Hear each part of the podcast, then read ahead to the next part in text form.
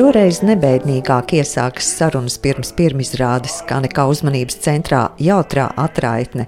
Nelielā fragmentā no operetes dzirdējām šveiciešu baritonu Aleksandru Bešā, kurš sūtniecības sekretāra Danilo lomā, savukārt viņu pavadīja sūtniecības rakstvedis Ņegušs, aktieru Gundara Āboliņa izpildījumā, koncertmeistars Māris Skuja. Līdz ar operetei raksturīgo vieglo noskaņu arī sarunas raisījās viegli un rotaļīgi, un tās vadīja muzikoloģe Liena Jakovļeva. Sakiet, lūdzu, cik valodas mēs dzirdēsim vispār šajā iestudējumā kopumā? Ich glaube, wir werden fünf Sprachen auf der Bühne hören. Jā, man šķiet, ka mēs piecas valodas dzirdam. Letišs, Wir haben Französisch, Deutsch, Englisch, Lettisch, Russisch. Und das war's. Tātad piecas. Aleksandra, können Sie etwas in Lettisch sagen? Bitte, Matos. Uh, Vai viņam daudz ir jārunā latviešu, Aleksandram? Nebija. Viņš pats izrādīja sev iniciatīvu, un mēs jau no pirmā mēģinājuma sākām frāzīt pa frāzītei, mācīties. Es ieskaņoju paraudziņus, un viņš ir apgūlis jau diezgan lielu tekstālo materiālu latviešu valodā. Aleksandram jau ir labas attiecības ar opereti, jo, cik es saprotu, Lehāra jautra atraitne ir arī Vīnes Volksoper. Genau, äh, das war eigentlich meine erste große Erfahrung mit der Operette. Tas, tas tā bija mana pirmā lielā tikšanās Vīnes Folksoperā vai Vīnes tautas operā. Und ich bin, ich bin so sehr glücklich, weil ich konnte von Anfang an mit richtig tolle, also hochqualitative Operette anfangen zu, zu arbeiten. Un es par to esmu ļoti priecīgs, jo pirmos soļus es varēju spērt tiešām piedaloties kvalitatīvas un labas operetes iestudējumā. Und das ist, sie ist so vielfältig. Man braucht so viele verschiedene Sparten wie Schauspiel, Singen und natürlich auch ein bisschen Tanzen. Jā, un tās prasības ir tik plašas un daudzveidīgas, ka jābūt gan aktierim, gan dejotājam, gan dziedātājam. Tev jābūt daudzpusīgam. Das ist wirklich, ich konnte wahnsinnig viel davon profitieren.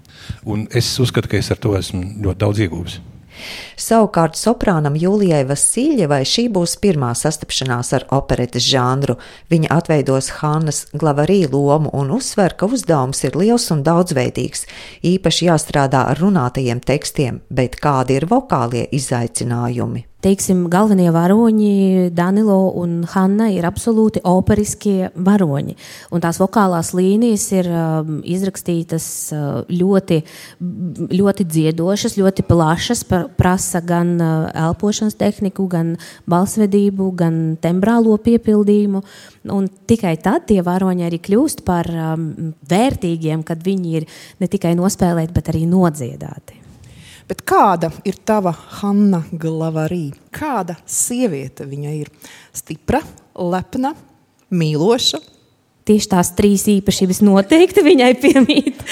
Absolūti, jā. Bet uh, viņa, izņemot to visu, viņa arī ir jautra. Tādā ziņā, ka viņa ir lustīga un ar ļoti lielu dzīves gribu. Ar mērķtiecību panākt to, ko viņa grib.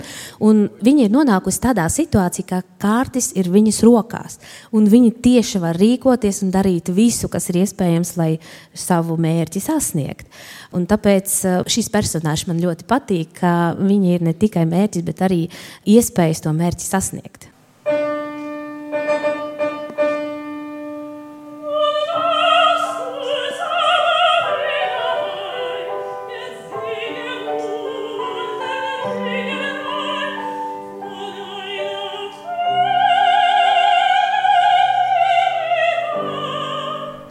Pirmizrādē Hannas lomu atveidos Inga Šļubovska, bet grāfu Danilo Aleksandrs Bešā. Lūk, kāds pēc Aleksandra domām ir viņa varonis. Wirklich eine Mischung von alles, was ein Mensch macht. Danilo ir fascinējuši ar to, ka tajā apkopojas tādā vienā sajaukumā visas, gandrīz visas cilvēkam raksturīgās īpašības. Er ist ein bisschen lustig, er ist ein bisschen.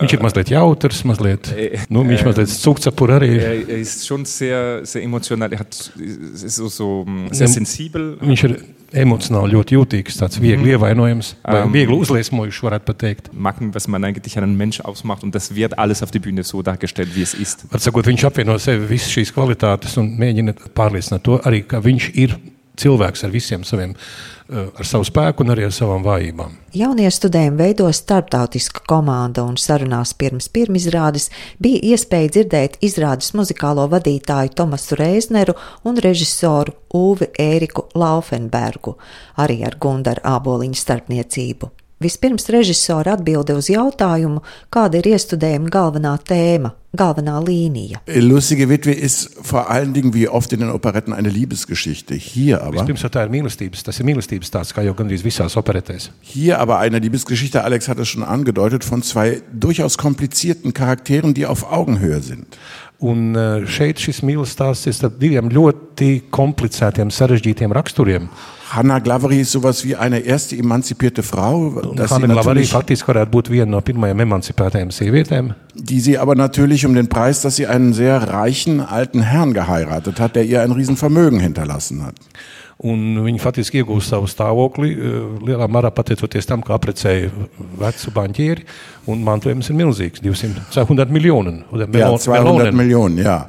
Und ähm, jetzt ist natürlich immer die Geschichte, dann weiß man nicht, ob man für die 200 Millionen geliebt wird oder als Person. Un tagad pats ir jautājums, vai tagad visi mani mīl šo 200 miljonu dēļ, vai tāpēc, ka es esmu skaista un gudra sieviete. Und in einer solchen Gesellschaft, wo die 200 Millionen so wichtig sind, dann noch eine, an wirkliche Liebe zu glauben, das ist die Kunst dieser Operette. Un eh, sabiedrībā, kur tik lielu lomu spēlē 200 miljoni, noticēt eh, skaidrai mīlestībai, īstai mīlestībai, tā ir problēma, un par to arī ir šī opereta. Par ko ir šī opereta maestro Reizneram? Die Eleganz und Schönheit dieser Musik zur Geltung zu bringen. Skaistumu un šīs mūzikas eleganci spēt iespējami labāk pasniegt. Und das Stück so ernst zu nehmen als wie jede große Oper.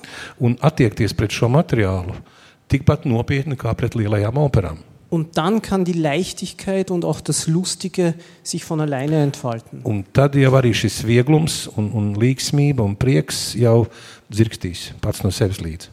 Nu, un Gundaram Aboliņam, par ko ir šī opereta? Tas ir grūts jautājums, un virspusē uz to atbildēt es negribētu. Bet eh, ka īsta mīlestība ir vairāk vērta nekā 200 miljoni. Nu tā, īsos vārdos vienkārši. Ciklā sarunas pirms pirmizrādēm esam raduši gūt arī izglītojošu un padziļinātu ieskatu gaidāmā darba vēsturē.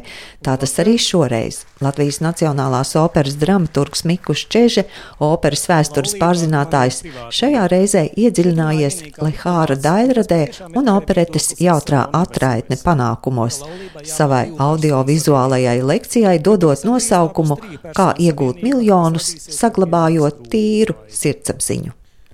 Frants Lehārs, komponējot savu visslavenāko opereti, bija 34 gadus vecs, vēl vecpuiša statusā, un, kā atklāja Mikus Čeže, komponista paša pieredzes sasaucās ar operetes galveno varoņu stāstu.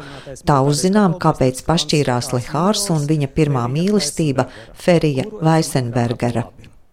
Ferijs tēvs bija kļuvis ļoti turīgs restorānu biznesā.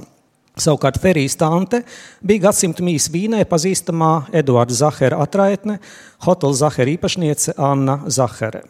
Šai dāmai ekrāna centrā ar iemīļoto buldogu piemita dzelžains sakodiens tuvnieku likteņu plānošanā. Viņa kategoriski iebilda Franca vēlmei salauzties ar Feriju, argumentējot, ka komponists ar savu darbu ienākumiem nespēs jaunavai nodrošināt stabilu labklājības līmeni, pie kāda viņa ir pieradusi. Privātā ziņā 20. gadsimta pirmā piecgade Lehāram bija visai nepatīkama. Toties mākslinieckā aspektā izteikti veiksmīga.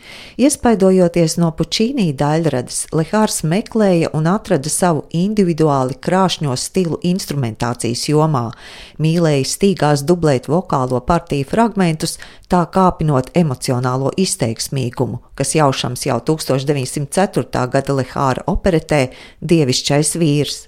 Franca Lehāra jautrā atraitne pasaules pirmizrādi piedzīvoja Vīnē 1905. gadā. 1905. gada izskaņā Teātrī Andervīna notika jautrās atraitnes pirmizrāde.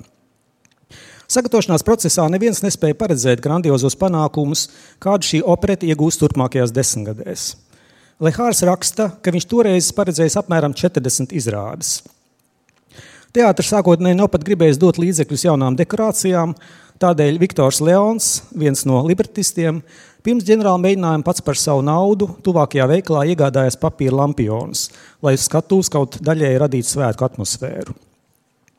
Otrais libertists Leo Steins svinībās pēc pirmizrādes izteica cerību, ka jautrā atraitne varbūt izvilks līdz kādām 50 izrādēm, un tad jau arī 70 nebūšot nekas neiespējams. Cik ļoti paši autori tobrīd kļūdījās, liecina statistika. Jautrā atraitne četrās desmitgadēs kopš pirmizrādes līdz pat Lehāra nāvei visā pasaulē pieredzēja vairāk nekā 300 tūkstošu izrāžu, ļaujot Lehāram iekasēt viņa autortiesībās paredzētos procentus un līdztekus Sergejam Rahmainovam vai Rihardam Štrausam iekļūt bagātāko savu laikmetu komponistu trijotnē. Un jau 1906. gada novembrī, nepilnu gadu pēc pirmizrādes Vīnē, jautro atraitni varēja izbaudīt arī Rīgas publika, apmeklējot toreizējo Vācu Rīgas pilsētas teātri. Teātra direktora Leo Steina režijā jautrā atraitne šeit vācu valodā tika spēlēta gadiem ilgi, un to vērtēja arī latviešu kritiķi, piemēram, Emīls Dārziņš. Citēju. Lehāram labi izdevušies daži nopietni numuri, piemēram, mīlestības scēnas, no kā var redzēt, ka Lehāram ir diezgan stiprs līrisks talants, un viņš gluži labi varētu rakstīt nopietnu operu, ja viņam būtu pietiekoši daudz ideālisma, atteikties no operetēm, kuras viņam ienes gandrīz miljonus. Citāda beigas. Atgriežamies pie Mikus Čežas lekcijas tēmas par miljoniem un sirdsapziņu. Lehārs vienmēr ir mīlējis komfortu, un spriežot pēc viņa rakstiem, nekad nav ticējis idejai par trūkumu pozitīvo ietekmi radošajā procesā. Lehāra iecienīto dzīves vidi kopumā iespējams raksturot kā greznu antikvariātu veikalu ar pārgulēšanas iespējām. Komponistam piederēja vērtīgi nekustamie īpašumi, piemēram, Teobalda ielā Vīnē iegādātais īres nams, kas ļāva gūt ienākumus arī pavisam nemuzikālā veidā. Vīnē, Deblingā komponists tāpat nopirka miniatūru pili, kas savulaik bija piederējis burbuļflautas libretistam Emanuēlam Šikanēderam. Lehārs ārkārtīgi pārdzīvoja, ka šī celtne, kur atradās viņa savāktā mākslas darbu kolekcija, otrā pasaules kara beigu fāzē tika pilnībā izlaupīta. Zudībā gāja arī daudzi viņa dairadas arhīvu materiāli. Latvijas Nacionālās operas trupa jautro atraitni pirmo reizi uzveda 1933. gadā Jāņa Ēķa režijā ar dialogiem un dziedājumiem latviešu valodā, taču piedzīvoja tikai desmit izrādes. Latvijā pēc otrā pasaules kara Lehāra operetes iestudēja muzikālās komēdijas teātrī, vēlākajā Rīgas operetes teātrī. Jautru atraitni te dziedāja gan latviešu, gan arī krievu valodā. Protams, ka daži interpretācijas akcenti, atbilstoši laikmetu uzstādījumiem, tika mainīti.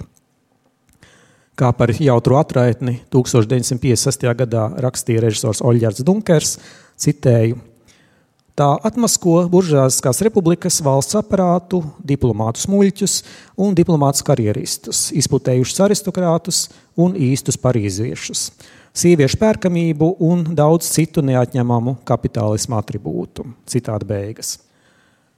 Izrāžu skaits operas teātrī liek domāt, ka publikai pret kapitālismu attribūtiem toreiz nebija nekas iebilstams. Fragments no Wernera Jakoba 1962. gada filmas un Viljas dziesma Pētera Aleksandra izpildījumā.